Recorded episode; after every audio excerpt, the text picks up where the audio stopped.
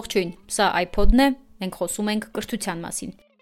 Իմ հյուրն է Արցախի մարդու իրավունքների պաշտպան Գեգամ Ստեփանյանը եւ մենք զրուցելու ենք 2020 թվականի 44-օրյա պատերազմի հետևանքով տեղահանված երեխաների կրթության իրավունքի մասին։ Պարոն Ստեփանյան, Հայաստանի արտաքին գործերի նախարարությունը 2020 թվականի հոկտեմբերի վերջին հայտնեց, որ Լեռնային Ղարաբաղից տեղահանված 90000 մարդ է բնակվում այստեղ։ Իսկ 2021-ի մայիսի 31-ի դրությամբ պատերազմի հետևանքով տեղահանված մոտ 34168 անձեր գտնվում այստեղ, որի մոտ 39%-ը երեխաներ էին։ Արդյոք այս տվյալները ստույգ են, որովհետև անդադար փոխվում են, վերանայվում են եւ ճշգրտվում են։ պատերազմի ժամանակ Արցախի հանրապետությունից տեղահանվել են եւ Հայաստանի Հանրապետություն են տեղափոխվել 90000 բնակչություն։ Իհարկե այս թիվը ակտիվ ռազմական գործողությունների ժամանակ ավելի հստակ եւ ստույգ գնահատելու հնարավորություն չունեինք եւ հարաբերականորեն ավելի կոնկրետ թիվ ներկայացնելու հնարավորություն չկար, բայց առնվազն 90000 մարդ Արցախի հանրապետության տարածքը լքել էր եւ բնակվում էր Հայաստանի հանրապետության տարածքում։ Պատերազմի ավարտից հետո 90000 բնակչությունից մեծամասնությունը վերադարձել է Արցախ եւ շարունակում է բնակվել Արցախում։ Այսօրվա դրությամբ Հայաստանի Հանրապետությունում գործող Արցախի Հանրապետության օպերատիվ շտաբի կողմից ներկայացված տվյալներով մոտ 21000 Արցախի Հանրապետության քաղաքացի է, որ բնակվում է Հայաստանի Հանրապետությունում եւ օգտվում է տեղահանված անձանց համար սահմանված պետական աջակցության ծրագրերից։ Հայաստանի Հանրապետությունում դեռևս գտնվում են նաև մարդիկ, ովքեր որ տեղահանվածի կարգավիճակ կամ տեղահանվածի համար սահմանված աջակցություններից չեն օգտվում, այսինքն նրանք այն մարդիկ են, ովքեր որ Ստեփանակերտից են, Մարտակերտից, Մարտունուց մեր վերահսկողության տակ գտնվող բնակավայրերից են, սակայն միջև այսօր չեն վերադարձել իրենց բնակավայրեր, տրամաբանական է, որ այդ մարդիկ չեն համարվում տեղահանվածներ, որովհետև ցանկացած ժամանակ կարող են վերադառնալ իրենց բնակավայրեր եւ շարունակել իրենց բնակությունը Արցախում։ Ճիշտ եք նշում, որ այս տվյալների հստակեցման կարիք կա, նաև կարիք կա Արցախում ընդհանուր առմամբ բնակչության ընդհանուր թվականակի հստակեցման եւ հույս ունեմ, որ առաջիկա այս տարվա ընթացքում այս ուղղությամբ մեր կառավարության կողմից կձեռնարկվեն գործողություններ ընդհանուր ավելի հստակ պատկեր ունենալու եւ հստակ ցուցանիշներ ու թվեր ունենալու համար։ Ասեք ինձ խնդրում եմ, թե որոնք են երեխաների կրթության հետ կապված ռիսկերն ու կարիքները, որոնք առաջանում են պատերազմի հետևանքով, որովհետև հանրության շրջանում մի տեսակ թյուրըմբռնում կա, որ երեխաներեն եկել են Հայաստան, պատերազմից հետո էլ նրանց մի մասը գնացել է Ստեփանակերտ ու կրթության կազմակերպումը դրանից չի կարող տուժել, բայց իրականում այդպես չի։ Պատերազմի ընթացքում տեղահանված աշակերտների շրջանում բազմաթիվ խնդիրներ են արձանագրվել, որոնք ուղակի եւ անուղակի կերպով կապվում են կրթության ապահովման, կրթության իրավունքի իրացման հետ եւ առաջին հերթին ես կմատնանշեի երեխաների իրենց հա, հարազատ միջավայրում կրթություն ստանալու հնարավորության հարցը Տեսեք, առաջին հայացքից ճիշտ եք նշում, որ կարող է հարց առաջանալ, որ այո տեղափոխվել են, բայց նրանք ունեցել են հնարավորություն կրթությունը շարունակելու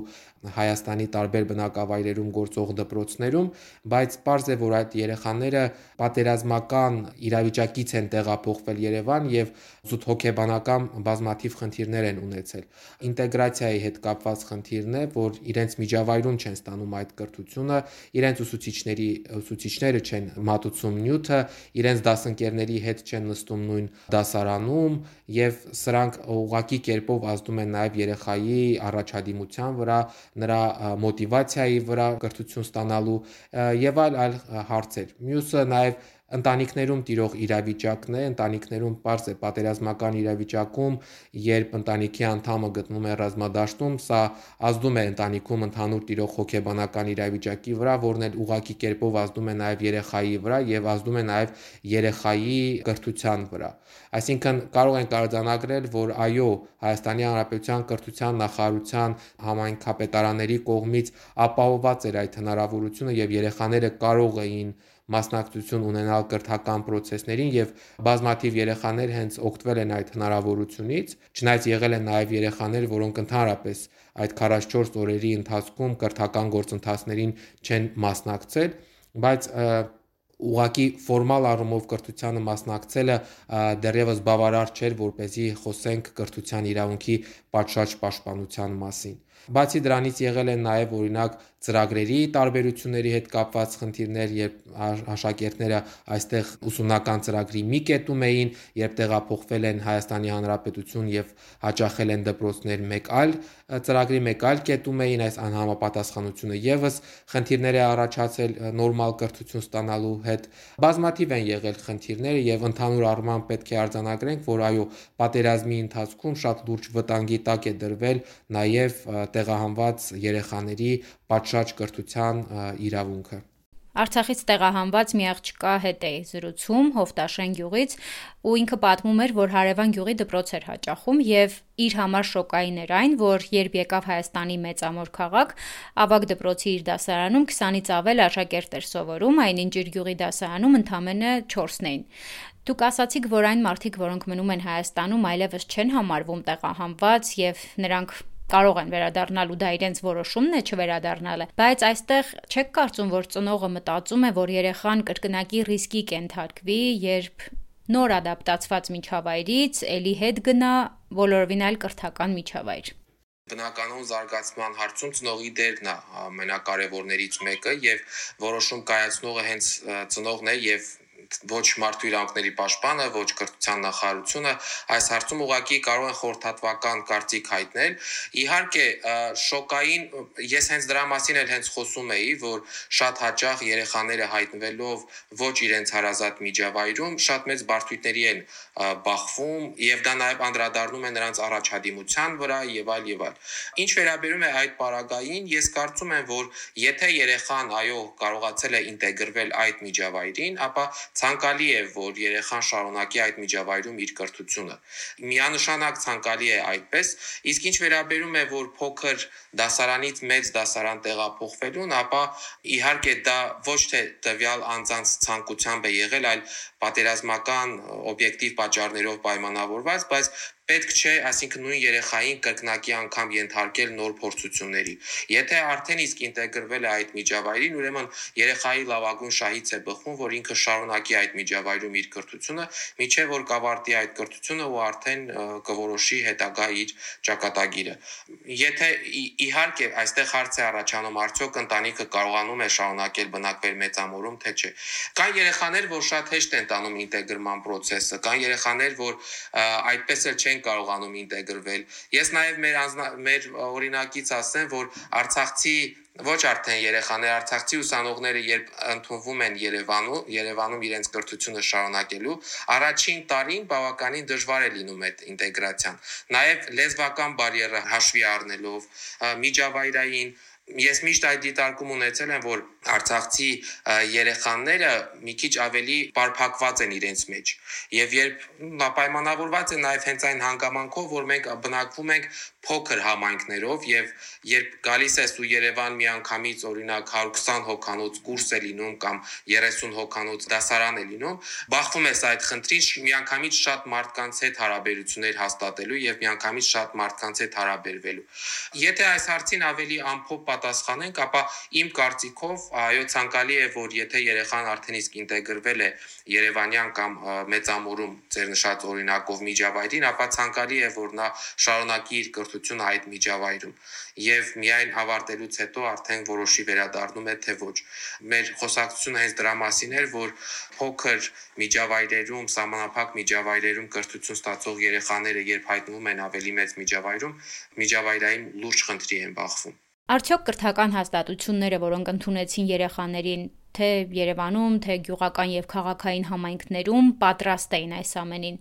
Այն պետական կառույցները, որոնք պարտավոր էին նրանց ուղղորդել եւ առաջնորդել, իրենք պատրաստ էին Շատ կարևոր հարց է։ Ցավոք սրտի հետ պատերազմյան այդ վիճակում ուրիշ առաջնահերթություններով պայմանավորված, գիտեք, որ կոնկրետ մեր կառույցը նաև անհետ կորածների, զոհված ծառայողների ընտանիքների հետ բավականին մեծ աշխատանք էր տանում ու այդ առաջնահերթություններով պայմանավորված մեզ չհաջողվեց խորը ուսումնասիրություն իրականացնել հենց կրթական իրավունքի մասով Հայաստանի Հանրապետություն տեղափոխված երեխաների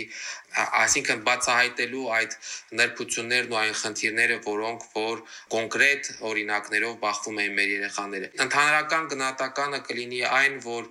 իհարկե ամբողջական չկա տեղեկատվություն, որ เป զի կարողանամ հստակ գնահատականներ տալ, բայց իմ կարծիքով եւ ստացած ահազանգերի ստացած կարծիքների, եթե համադրեմ, ապա կային վայրեր, որտեղ այդ ընդունումը, ինտեգրումը բավականին լավ լավ է կազմակերպվել, բայց կային նաև վայրեր, որտեղ որ երեխաները բախվել են լուրջ խնդիրների հետ, ընդཐུպ մեզ համար ցավալիորեն նշեմ հենց այդ նույն Ղարաբաղցի հայաստանցի այդ այդ կարգի խոսակցություններով։ Ընդ որում այդ խոսակցությունները ոչ միայն գալիս էին աշակերտների եւ նրանց ծնողների կողմից, այլ երբեմն նաեւ ուսուցիչների կողմից է եղել նման որակումներ։ Նման խնդիր, այո, ես տեղյակ եմ, որ եղել է, չեմ պնդի եւ չեմ էլ կարող պնդել, որ դա համատարած է եղել, որովհետեւ բավականին են նաեւ արձագանքները, որ նույն Երևանյան բավականին մեծ թվով դպրոցներում ուղակի մի այլ կարգի բարձր ընդունելություն են, ընդունելություն են ցուցաբերել մեր երեխաների եւ բավականին մեծ ուշադրության կենտրոնում է եղել։ Խնդիրներ առաջացել են նաեւ պատերազմից հետո, երբ երեխաները շարունակել են հաճախել դպրոց, այսպիսի պատմություններ են եղել, որ հիմա էլ արդեն էլ պատերազմ չի, ինչի չեք հետ վերադառնում, ինչի եք մնում այստեղ նման խոսակցություններ եւս եղել են։ Հայաստանի կրթության նախարարության կողմից կարծում եմ այո իրականացվել են համապատասխան գործողություններ, նու ինֆորմացիայի ոչ այդքան ամբողջական լինելու բարագայում չեմ ուզում ավելի հստակ գնահատականներ տալ։ Խնդիրներ միանշանակ եղել են, ինչպես եղել են բազմաթիվ այլ ոլորտներում, բայց այն, որ հնարավորությունը Արցախից տեղափոխված երեխաներին շարունակելու իրենց կրթությունը տարբեր հաստատություններում ապահովված էր, դա կարող է միանշանակ փաստել։ Այսինքն չի եղել երեխա, որ դիմի որևէ դպրոցում շարունակելու իր կրթությունը եւ ստանա մերժում։ Նման դեպք մենք անձամբ մեր կառույցը չի արձանագրել։ Կարելի է միանշանակ կարելի է ավելի համակարգված աշխատանք կատարել, իմանալով օրինակ կոնկրետ որտեղ ինչքան երեխա ունենք, որովհետև այդ ընթացքում եղել են նաև երեխաներ, որոնք ընդհանրապես չեն էլ մասնակցել կրթական process-ին, այսինքն ծնողի հայեցողության ներտրված արդյոք ինքը որ տեղափոխվել է Երևան իր երեխային կցում է որևէ դպրոցի, թե չի կցում։ Այս բնակավարում իրոք լուրջ խնդիրներ եղել են եւ եղել են երեխաներ, որոնք պատերազմի ամբողջ ընթացքում ուղակի կրթություն չեն ստացել։ Դուք ասում եք, որ մենք ծնողի հայեցողությանն ենք թողնում։ Ես համաձայն եմ, որ ծնողը պիտի շահագրգիռ լինի, որ երեխան կրթություն ստանա։ Բայց պատերազմական իրավիճակում, երբ Օրինակ, երեխայի հայրը գտնվում է առաջնագծում, մայրը ենթադրենք ծանր հոգեբանական վիճակում է, տարբեր խնդիրներ կան եւ այլն, արդյոք պետական համապատասխան կառույցները որոշակի պարտավորություն չունեն հետևել այդ երեխաներին ու հասկանալ, թե ինչու օրինակ դպրոց չեն հաճախում։ Ես ձեզ հետ միանշանակ համաձայն եմ, բայց նաև չեմ կարող չնշել, որ պատերազմական իրավիճակով պայմանավորված ամեն ինչ այդքան համակարգված իրականացնելու ուղակի հնարավորություն չկար։ Տեսեք, նույն համանքից, այսինքն էվակուացիան Արցախից դեպի Հայաստանի Հանրապետություն ոչ համակարգված կերպով է իրականացվել։ Այսինքն նույն համանքի ղեկավարը, որը պետք է ստանձներ կամ շրջանի վարչակազմի կրթության բաժինը, որը տիրապետում է այդ տեղեկությանը, թե որ գյուղում ինչքան երեխա կա, որ դասարանում ինչքան երեխա կա, նրանք ուղակի տեղյակ էլ չէին, թե իրենց գյուղի բնակիչը որտեղ է գտնվում։ Այսինքն ամեն մարդ էվակուացվել է եւ գտնվում էր մեկը մի գյուղում, մեկը մի ուրիշ գյուղում։ Համակարգված բազաներ գոյություն չունեին, որպեսզի պատասխանատուները կարողանային հասկանալ, թե այս երեխան որտեղ է գտնվում, մյուս երեխան որտեղ է գտնվում։ Եվ այստեղ չնայած դուք պետության պարտավորություն եք նշում, Ես միանշանակ համաձայն եմ, որ այո, պետ, բայց եթե պետությունը գտնվում էր նման պատերազմական իրավիճակում, ապա նաև քաղաքացու եւ ծնողի պատասխանատվության հարցը պետք է առաջանար եւ ինքը առաջին հերթին պետք է մտածեր իր երեխայի կրթության իրավունքի շարունակման մասին։ Մանավանդ որ այս պարագայում պետությունը ապահովում է այդ իրավունքը Այսինքն պետությունը տալիս է հնարավորություն, որ երեխան, որ տեղափոխվել է Հայաստանի Հանրապետություն, դիմի հարակից տվյալ համանքի դպրոց եւ անցնի շարունակի իր կրթությունը չօգտվել այդ հնարավորությունից ուղակի անտրամաբանական էր ծնողի տեսանկյունից։ Չէ ուզենա որևէ մեկի վրա մեղք բարթել, բայց որպես կառույց, որ պատերազմի ամբողջ ընթացքում գտնվում էր Արցախում եւ իրավիճակին ընդհանուր առմամբ տեղյակ էր, այո, պետական կառավարման համակարգի տարբեր օղակներ ուղակի կատվածահար էին եւ մենք մեր աչքով տեսել ենք, որ բազմաթիվ խնդիրներ ուղակի ոչ համակարգված ձևով էին իրենց լուծումները ստանում եւ այդ թվում նաեւ մեր երեխաների կրթության Հայաստանի Հանրապետություն տեղափոխված երեխաների կրթության ապահովման հարցը Ինչ է կարծում, պատերազմական իրավիճակով էր պայմանավորված այն, որ մենք չկարողացանք հավուր պատշաճի իրականացնել կրթության կազմակերպումը, թե ի վերջո համակարգի ենթակառուցվածքների ոչ բավարար չափով պատրաստ լինելուց։ Եթե փորձենք իհարկե ազնիվ լինել ու նու առերեսվել իրականությանը։ Միանշանակ ազնիվ պետք է խոսենք եւ միանշանակ այո պետք է հաստատենք, որ մենք երբևէ այդ հարցին, այսպես ասած, չենք անդրադարձել։ Մեր պետական ինստիտուտները դրան պատրաստ չէին։ Նույն կրթության նախարարությունը, նույն համայնքապետարանները, որոնք ունեն կրթության բաժիններ, կրթության համապատասխանատուներ, այդ իրավիճակին պատրաստ չէին։ Այսինքն բազմաթիվ բացեր կան եւ բազմաթիվ բացեր եղել են կապրած անգամ երեխաների ցուցակների հետ, թե կոնտակտային տվյալների հետ։ Համանքի ղեկավարը օրինակ, որը պատասխանատու էր դպրոցի էվակուացիայի համար, համանքի ղեկավարը ներգրաված էր ռազմական գործողությունների մեջ։ Եվ այստեղ հարց է առաջանում, եթե նա ներգրաված է, ով պետք է կատարի իր պարտականությունները։ Իրապես շատ ճիշտ եք նշում, որ մենք նախորդ տարիներին չէինք պատրաստվել այդ ամենին։ Եվ ցավալիորեն պետք է նշեմ, որ անգամ հիմա էլ այստեղ մենք կաղում ենք եւ առաջիկա տարիներին պետք է շատ լուրջ այս ուղությամբ աշխատենք, որ เป զի հստակ հասկանանք, որ նման իրավիճակ ստեղծվելու դեպքում ինչպիսի adekvat արձագանք պետք է ունենանք։ Եկեք այսպես բնութագրենք։ Պատերազմական իրավիճակն էր պատճառը, բայց նաև պատճառն այն էր, որ մենք պատրաստ չէինք պատերազմական իրավիճակում նման գործողությունների, այսինքն համակարգված գործողություններ ձեռնարկելու։ Հանրային քաղաքականության ինստիտուտը հարցում էր իրականացրել երեխաների շրջանում ու ողրզել, որ շատերի մոտ լեզվական խոչընդոտը լուրջ խնդիրներ էր առաջացրել կրթության կազմակերպման գործում, ու թեև դուք նշեցիք միայն միջավայրում բարբառների տարբերության մասին, բայց հարցվածների 17%-ը ասել էին, որ ուսումնական նյութի մատուցման հետ կապված են ունեցել լեզվական խնդիրներ։ Ես գիտեմ, որ Արցախի դպրոցներում հայալեզու ուսուցում է իրականացվում ու հարց է առաջանում, թե այդ դեպքում ինչու պիտի նյութի մատուցման հետ կապված խնդիրներ լինեին։ Ընդհանրապես Արցախի դպրոցներում նյութը մատուցվում է գրական հայերենով։ Այսինքն մատուցում են նույն դասագրքերով, ինչ դասագրքերով առաջնորդվում են Հայաստանի Հանրապետությունում, ինչ նաև ենթադրում է, որ ուսուցիչը դասաժամի ընթացքում խոսում է գրական հայերենով, բայց այո, շատ հնարավոր է, որ այս կամ այն նյութի մատուցման ժամանակ ուսուցիչը աշակերտների համար ավելի ընկալելի լինելու համար անցում է կատարում բարբարի։ Նույնը նաև ես օրինակ երբ դասավանդում եմ Արցախի պետական համալսարանում, նույնը դիտարկում էր նաև համալսարանում, որ երբեմն ուսանողները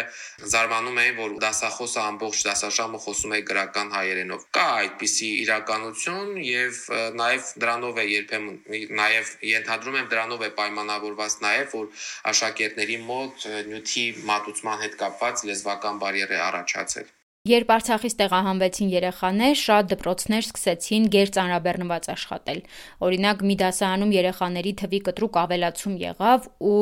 այստեղ հարց է առաջանում, արդյոք այստեղ բնակվող երեխայի կրթության իրավունքը չի այդ դեպքում խախտվում։ Եվ ի վերջո, երբ դասարանը շատ երեխաներ ունի, ուսուցիչը չի կարող պատշաճ ուշադրություն դարձնել բոլորին, նորմալ կազմակերպել դասապրոցեսը ու այստեղ այսպիսի հակասություն կա։ Մենք ուզում ենք ուղակի կրթություն տալ, թե երեխայի լավագույն շահը ապահովել ու նրան որակյալ կրթություն տալ։ Երեխայի լավագույն շահ ասելով նաև ենթադրվում է որակյալ կրթությունը, այսինքն երեխայի լավագույն շահը հենց նաև որակյալ կրթության մեջ է։ Այո, այդ նույն խնդիրը հիմա կա ոչ միայն Հայաստանի Հանրապետությունում, այլ նաև Ստեփանակերտի դպրոցներում։ Քանի որ վերադարձածների մեծամասնությունը բնակություն է հաստատել Ստեփանակերտում, այսօր Ստեփանակերտի բոլոր դպրոցներում գերհակեցած դասարաններով են դասապրոցես կազմակերպում։ Եւ այո, այստեղ հենց խախտվում է նաև երեխայի լավագույն շահը, որովհետեւ լավագույն շահը ենթադրում է, որ դասարանը չպետք է գերազանցի 20-25 հոգանոց դասարանը եւ այսինքն հնարավորություն ընձեռվի յուրաքանչյուր երեխայի ոչ միայն մասնակցել դասապրոցեսին, այլ նաեւ հնարավորություն ունենալ անհատական զարգացման։ Հենց դասապրոցեսի ժամանակ, եթե ուսուցիչը չի հասցնում երեխաներին անհատական մոտեցում ցուցաբերել դասապրոցեսի ընթացքում, այստեղ այո, կասկածի տակ է դրվում երեխայի լավագույն շահը։ Ես համաձայն եմ այդ պնդմանը եւ այո, ես համակարծիք եմ, որ եկեր հակեցած դասարաններում հնարավոր չէ ամբողջությամբ իրացնել երեխայի լավագույն շահը։ Եվ այստեղ նաեւ բախվում ենք այն իրականության հետ, որ կրթության իրավունքը զուտ ֆորմալ է ապահովում եւ որակյալ կրթության բաղադրիչը, որակյալ կրթություն ստանալու բաղադրիչը տուժում է։ Արցախի պարագայում, Արցախում այսօր գործող իրավիճակի պարագայում շենքային պայմանները ուսուցիչների քանակը ուղղակի հնարավորություն չեն տալիս օրինակ նույն դպրոցում բացել եւս մի դասարան օրինակ եմ ասում, որպեսի որովհետև ուղակի ճունեն համապատասխան դասարաններ, առանց այն էլ դպրոցները հիմնականում գործում են երկերտ եւ նոր դասարաններ բացելու պարագայում կատվածահար է լինելու ընդհանուր դպրոցի գործնեությունը։ Տեսեք, մենք հենց այս ամենը հաշվի առնելով նաեւ մեր կառույցի պնդմամբ Շուշիի եւ Հադրութի դպրոցների երեխաները ոչ թե տարանք տարբեր գցելու Ստեփանակերտի տարբեր դպրոցների տարբեր դասարանների, այլ որոշեցինք, որ Շուշիի դպրոցը երկրորդ հերթով դասի է գնում Ստեփանակերտի երկրորդ դպրոցում, իսկ ամբողջական պահպանելով եւ տնորենը եւ իրենց դասարանները եւ իրենց ուսուցիչներին, նաեւ միջավայրային խնդիրները հաշվի առնելով։ Իսկ Հադրութի դպրոցը երկրորդ հերթով դասի է գնում Ստեփանակերտի համար 3 դպրոցի տարածքում։ Այսինքն ելի պահպանել են իրենց մոտ 300 աշակերտով Հադրութի դպրոցն է աշխատում, մոտ 200-250 աշակերտով Շուշիի դպրոցն է աշխատում։ Բայց սա հարցի լուծում չէ, որովհետև միայն Հադրութի ու Շուշիի հարցը չի, կան բազմա 120 կորսված համայնքների մոտ Արցախում գտնվողներ գտնվող տեղահանված եւ վերադարձվածների թիվը 20000 է եւ այդ 20000-ի մեջ առնվազն 5000 աշակերտ ունենք եւ այդ 5000 աշակերտը բարձ է որ Ստեփանակերտում գործող 11 դպրոցների վրա լուրջ ծանրաբեռնվածություն են ավելացրել։ Նույնը նաեւ եթե օրինակ Երևանի պարագայում այս խնդիրը լուծելի է ճիշտ, օրինակ ճիշտ բաշխման վերաբաշխման դեպքում, օրինակ հնարավոր է օրինակ իմանալ թե որ դպրոցներն են թեր հակեցած, որ դպրոցներն են գեր հակեցած եւ տեղահանված երեխաներին ուղարկել թեր հակեցած դպրոցներ, որ เป զի ձեր ասած որակյալ կրթության բաղադրիչը չտուժի, ապա Ստեփանակերտի պարագայում դա հնարավոր չէ։ Պատերազմի ընթացքում երբ դուք աշխատում էիք ՄԻՊ-ում, եթե նայենք ըստ առաջնահերթությունների ահազանգերի, որերորդ տեղում էր կրթությունը։ Այսինքն ուզում եմ հասկանալ ինչքանով է պատերազմի ժամանակ կրթությունը առաջնային։ Քանի որ նաև մեր թեժ գծի անմիջական պատասխանատուն ես էի, ստացվող զանգերը հենց նաև ես տեղեկանում էի, չեմ հիշում որևէ դեպք, երբ հարց բարձրաձայնվեր կրթության իրավունքի վերաբերյալ։ Սա օբյեկտիվ է։ Ես անկեղծ պետք է ասեմ, որ սա օբյեկտիվ է, որովհետև այդ օրերին մեր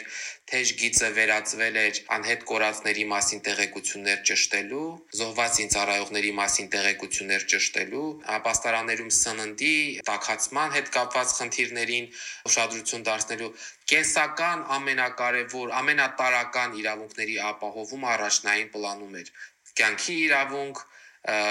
սննդով ապահովելու իրավունք եւ այլ։ Ես սրանով պայմանավորված կրթության իրավունքի մասով որևէ ահազանգ չենք ստացել, բայց պետք է նշեմ, որ հնարավոր է, որ կրթության իրավունքի մասով ահազանգեր ստացած լինի Հայաստանի Հանրապետության մարդու իրավունքների պաշտպանի հաստատությունը, որովհետեւ մենք գործում ենք 116 թեժ գծի տակ Արցախյան հեռախոսահամարներով եթե զանգահարում եք 116, կապ եք հաստատում մեզ հետ։ Եթե Հայաստանի Հանրապետության տարածքում եք զանգում նույն հեռախոսահամարով, ավտոմատ կապվում եք Հայաստանի Հանրապետության մարդու իրավունքների պաշտպանի հետ։ Եվ շատ հնարավոր է, որ արցախցիները, ովքեր այդ այդ օրերին գտնվում են Հայաստանի Հանրապետությունում եւ այդ թեժ գծով զանգահարել են, ուղակի կապվել են Հայաստանի Հանրապետության մարդու իրավունքների պաշտպանի հետ։ Ես այդ տեղեկությանը իրապես չեմ տիրապետում եւ շատ կարեւոր հարց եք բարձրացնում նաեւ այդ ուղղությամբ իրենց այս ճշտումներ կիրականացնեմ արդյոք այդ օրերին կրթության իրավունքի վերաբերյալ որևէ հազանգ են ստացել թե ոչ Արցախում չի եղել։ Պրակտիկորեն Արցախում հոկտեմբերի կեսերից հետո երեխաներ չեն եղել։ Շատ հազվա, շատ քիչ թվով երեխաներ էին գտնվում Արցախում։ Մենք որ ապաստարաններով շրջում ենք եւ երեխա էինք հանդիպում, ուղղակի զարմանալի երևույթ էր, որ ծնողը իր մոտ է բայ, բայց դա էլ պայմանավորված էր նրանով, որ օրինակ մայր ծնողը չի ցանկացել իր պատերազմ գտնվող ամուսնուն թողնել միայնակ, հա, ու հեռանալ, դրա համար իր երեխաները շարունակում էր պահել ապաստարանում։ Իհարկե դա հոկտեմբերի վերջերին ընդհանրապես արդեն երեխա չկար Արցախում, եւ Արցախի տարածքում տրամաբանական է, որ որևէ մեկը այդ այդ հարցով մեզ չի էլ դիմել։ Մենք ունենք հիմա բազա, որտեղ այն երեխաների տվյալներն են, որոնք պատերազմից հետո դուրս են մնացել կրթական process-ից պատերազմից հետո մոտ 60 երեխա կրթական process-ից դուրս է մնացել։ Նրանց տվյալները կան կրթության նախարարությունում, նրանց հետ բարբերաբար նախարարությունը աշխատում է որպեսի տեղավորի, բայց ելի գալիս է հենց ծնողի հարցը։ Կրթության նախարարությունը ծնողին առաջարկում է տարբերակներ։ Այս պահի դրությամբ կարող եմ նշել, որ Չարեկտար գյուղում Արցախի հանրապետության Չարեկտար գյուղում առնվազն 6 երեխա կրթական process-ից դուրս է մնացել։ Գյուղում դպրոց չկա, Երբ մենք անձամբ ես էլ փորձում ենք կարգավորել այդ հարցը եւ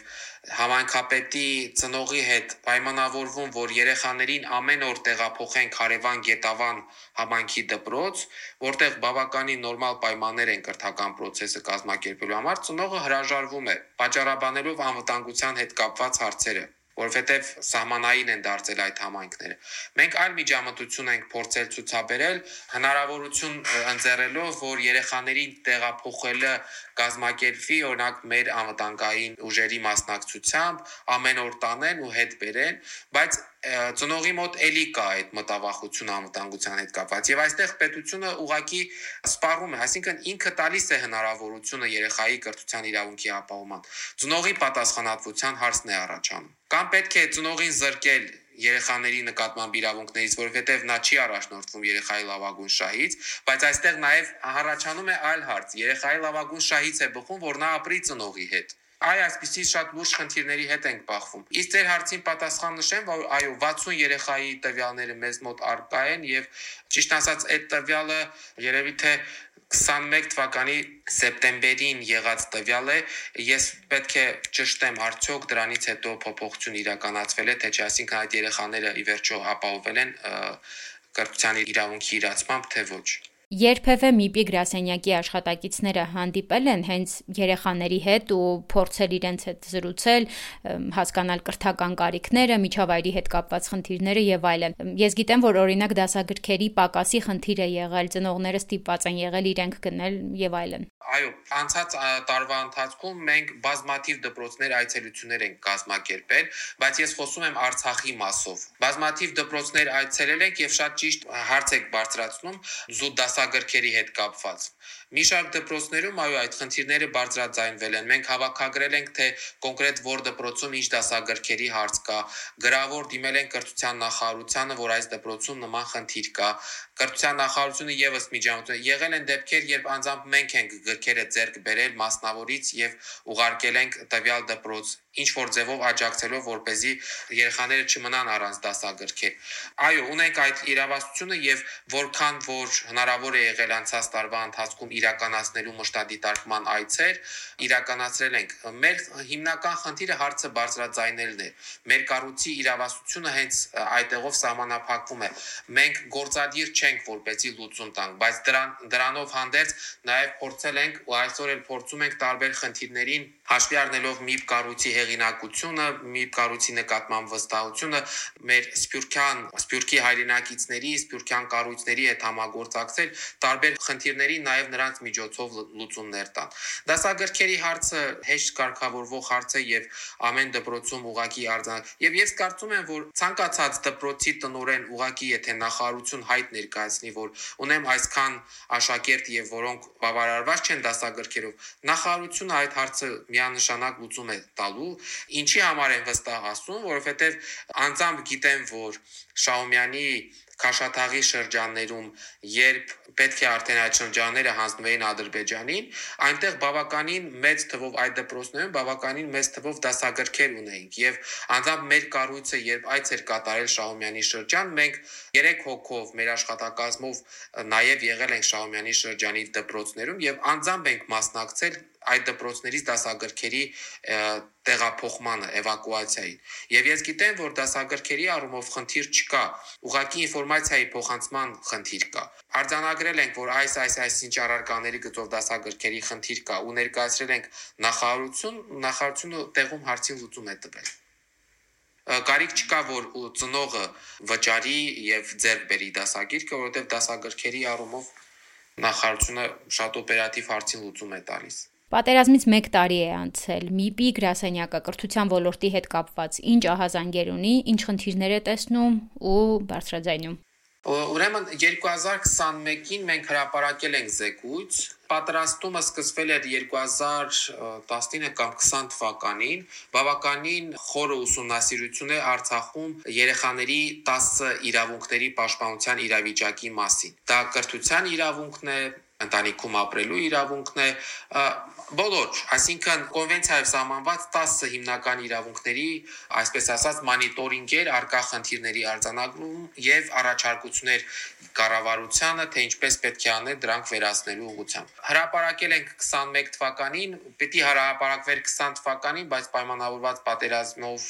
եւ առաջնահերթությունների փոփոխությամբ 21 թվականին հրապարակեցինք եւ կոնկրետ առաջարկություններ ենք ուղարկել նաեւ պետական համապատասխան մարմիններին այս տարվա ընթացքում պլանավորում ենք, որ ստուգենք առաջընթացը այսինքն ինչ է կատարվել արձանագրված խնդիրների վերացման։ Այս առումով պետք է նշեմ, որ քանի որ պետնախարարը համակարգում է նաև կրթության ոլորտը եւ պետնախարարը նախկին մարդու իրավունքների պաշտպանը ինքը ինքը եւս շահագրգռվածություն է ցուցաբերել, որ բոլոր ոլորտներում համակարգված զեկույցում արձանագրված խնդիրների ուղղությամբ լուծումներ առաջարկվեն։ Ինչ վերաբերում է ահազանգերին, տարվա ընթացքում ամենալուրջ խնդիրը, որ բախվել ենք, որ անընդհատ բարձրացանվել է, դա պայմանավորված էր զոհված ինձարայողների երեխաների պատերազմի հետևանքով Արցախում 840 երեխա զոհված զինծառայողի երեխա է համարվում, այսինքն միակողմանի ծնողազուրկ է դարձել։ Այդ երեխաների հոգեբանական իրավիճակի հետ կապված խնդիրներն են եւ մենք աշխատել ենք նաեւ հոգեբան մասնագետների հետ, որ เป զի կարողանանք երեխաներին այդ հանել, հա, այդ մեկուսացման իրավիճակից եւ այդ խնդիրների լուծման ուղղությամբ քայլեր իրականացնել։ Ամենակարևոր խնդիրը շենքային պայմանների ոչ համապատասխանությունը բնականon կրթական process կազմակերպելու հետ Կարծես թե ինտեգրացիայի հետ կապված խնդիրներ այդքան շատ չենք հանդիպում, որովհետև պատերազմից անմիջապես հետո այո թեկուզ Արցախում անգամ Արցախում այդ խնդիրը կար որ ասում են տեղահանվածի երեխա տեղահանվածի երեխա հիմա կարծես այդ կարծրատիպը վերացել է որովհետև չենք ստանում նման ահազանգեր 21 թվականի սկզբից երբ այցելում էինք դպրոցներ, տեսնում էինք այդ տարբերակ որոշակի տարբերակվածությունը իրենք էլ էին իրենց առանձին պահում շփման մեջ, հիմա արդեն այդ հարցը որոշակի կարգավորվել է։ Խնդրում եմ ասեք, թե պատերազմի հետևանքով Արցախում քանի դպրոց է փակվել։ 110 դպրոց կորցրել ենք, ընդ որում բավականին մեծ թվով նաև դպրոցական գույք, այդ դպրոցներում 11 արմատ լաբորատորիա էր գործում, այդ լաբորատորիաներն էլ չկան։ Իհարկե որոշակի աշխատանքներ հիմա ավելի ակտիվ իրականացվում են արկա դպրոցներում լաբորատորիաների հիմնման եւ եւ այս ուղությամբ, բայց կորուստը շատ մեծ էր։ Ես տվյալները որ նայել եմ, մոտ 60000 դասագիրք ենք կորցրել այդ դպրոցներում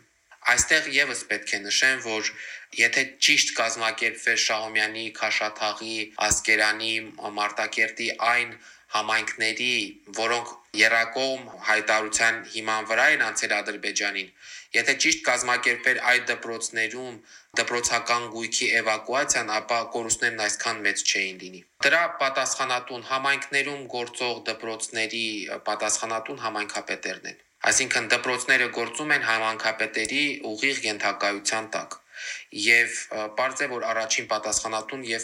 հենց պետք է լինեն համայնքապետերը։ Իհարկե կրթության նախարարության կրթության նախարարության կողմից եթե ուղիղ հրահանգը դրվեր, նրանք պարտավորված կլինեին դա կազմակերպել, բայց ցավալիորեն պետք է նշեմ, որ անգամ համայնքապետերը շատ հաճախ ավելի շատ իրենց անձնական գույքը տեղափոխելու, տարհանելու բանով էին գործով էին զբաղված եւ համայնքային գույքի մասին շատ քչերն էին մտածում։ Նոյեմբերի 23-ին եղանք Շահումյանի շրջանում, մենք ականատես եղանք նաեւ դեպքերի, երբ Հայաստանից տեղափոխված կամավորներ եկել ու օգնում էին տարհանմանը, ոչ թե օգնում էին, այլ կազմակերպում էին տարհանումը։ Ես անձամբ տեսել եմ եւ ծանոթացել եմ այդպիսի մարդկանց հետ, որոնք իրենց կապերով ուղակի եկել եւ տարհանում էին մեր համայնքային գույքը այնինչ դա պետք է կազմակերպվեր հենց շրջանի ղեկավարության եւ համայնքապետերի կողմից։ Մարդու իրավունքների պաշտպանի գրասենյակը անկախ կառույց է, ուղված հանրության լավագույն շահին, եթե փորձենք կարճ ձևակերպում տալ։ Ու ենթադրում եմ, որ անկախ պետությունների եւ հասարակությունների ունեցած անհամաձայնություններից, խնդիրներից պիտի պատրաստական լինի համագործակցել։ Երբևէ դիմել եք Ադրբեջանի մարդու իրավունքների պաշտպանին նույն դասագրքերի ու կրթական գույքի վերադարձի հետ կապված։ Չէ, կապ չունենք Ադրբեջանի MIP-ի հետ, այսպես ասեմ, անգամ Հայաստանի Հանրապետության MIP-ը կապ չունի Ադրբեջանի MIP-ի հետ, Չնայած մեծ հաշվով երկուսն էլ ճանաչված երկրներն են, երկուսն էլ գտնվում են տարբեր կառույցների անդամակցում են եւ տարբեր հարթակներ ունեն հարաբերություններ հաստատելու։ Հայաստանի Հանրապետության մարդու իրավունքների պաշտպանի կողմից մի քանի անգամ առաջարկ եղել է հումանիտար հարցերում համագործակցության, բայց Ադրբեջանի կողմից որևէ պատասխան չի եղել։ պայմանավորված նաև այն հանգամանքով, որ Ադրբեջանում գործող իրավիճակը արդեն իսկ այս հարցի պատասխանը տալիս է, որ այնտեղ մարդու իրավունքների պաշտպանը որևէ անկախություն չունի եւ չի կարող ուղակի այս հարցերում նախաձեռնողականություն կամ գոնե համագործակցություն ցուցաբերել։ Բայց կարծում եմ հետաքրքիր տարբերակ է առաջարկում, ամեն դեպքում կարող ենք դիմել, կարող ենք նամակ ուղարկել նման հարցով, բայց անձամբ ես հույս չունեմ, որ որևէ պատասխան կստանանք։ Արցախում ընդհանրապես կրթության իրավունքի շատ լուրջ խնդիր է։ Օրինակ դուք խոսեցիք, որ փոքր համանքից տեղափոխվել են դասարանում 3 երեխա են ունեցել, հիմա 30 հոկանոց դասարանում են դասապրոցես կազմակերպում եւ շոկային է։ Մենք կարող էինք ժամանակին այնպես անել, որ այդ երեխաների համար նման իրավիճակը շոկային չլինի, որովհետեւ մենք ցավալիորեն Արցախում ունենք դպրոցներ, որտեղ շատ քիչ երեխաներ են սովորում եւ դրանից իհարկե կրթության իրավունքը տուժում է համայնքը, որտեղ ընդամենը ամբողջ համայնքում 10 աշակերտ կա, այնտեղ չի կարող նորմալ իրացվել կրթության իրավունքը։ Իհարկե, սա պատերազմին չի վերաբերում, որտեղ դա եղել է նաև միջև պատերազմը։ Խնդիր ունենք տարբեր դպրոցների խոշորացման հետ կապված, որտեղ եւ երեխաների միջև սոցիալական կապերը կհաստատվեն, այսինքն դա երեխաների համար սոցիալական կապիտալ կլինի, երեխաներն ապահովված կլինեն լավագույն մասնագետներով, այսինքն եթե մասնագետների մեջ մրցակցություն լինի, բարձ է որ դրանից երեխան կշահի, Աստված չանի նման իրավիճակներում հայտնվելու դեպքում արդեն ավելի մեծ միջավայրում ինտեգրացվելու հետ կապված խնդիր չեն ունենա։ Ուղղակի ցանկացա նշել, որ այո, այդ խնդիրը կա Արցախում, եւ ընդհանրապես Արցախում կրթական համակարգի բարելավման լուրջ խնդիր կա։ Դուք լսում եք Արցախի մարդու իրավունքների պաշտպան Գեգամ Ստեփանյանի զրույցը 2020 թվականի 44-օրյա պատերազմի հետևանքով տեղահանված երեխաների կրթության իրավունքի մասին։ Սա iPod-ն է, մենք խոսում ենք կրթության մասին։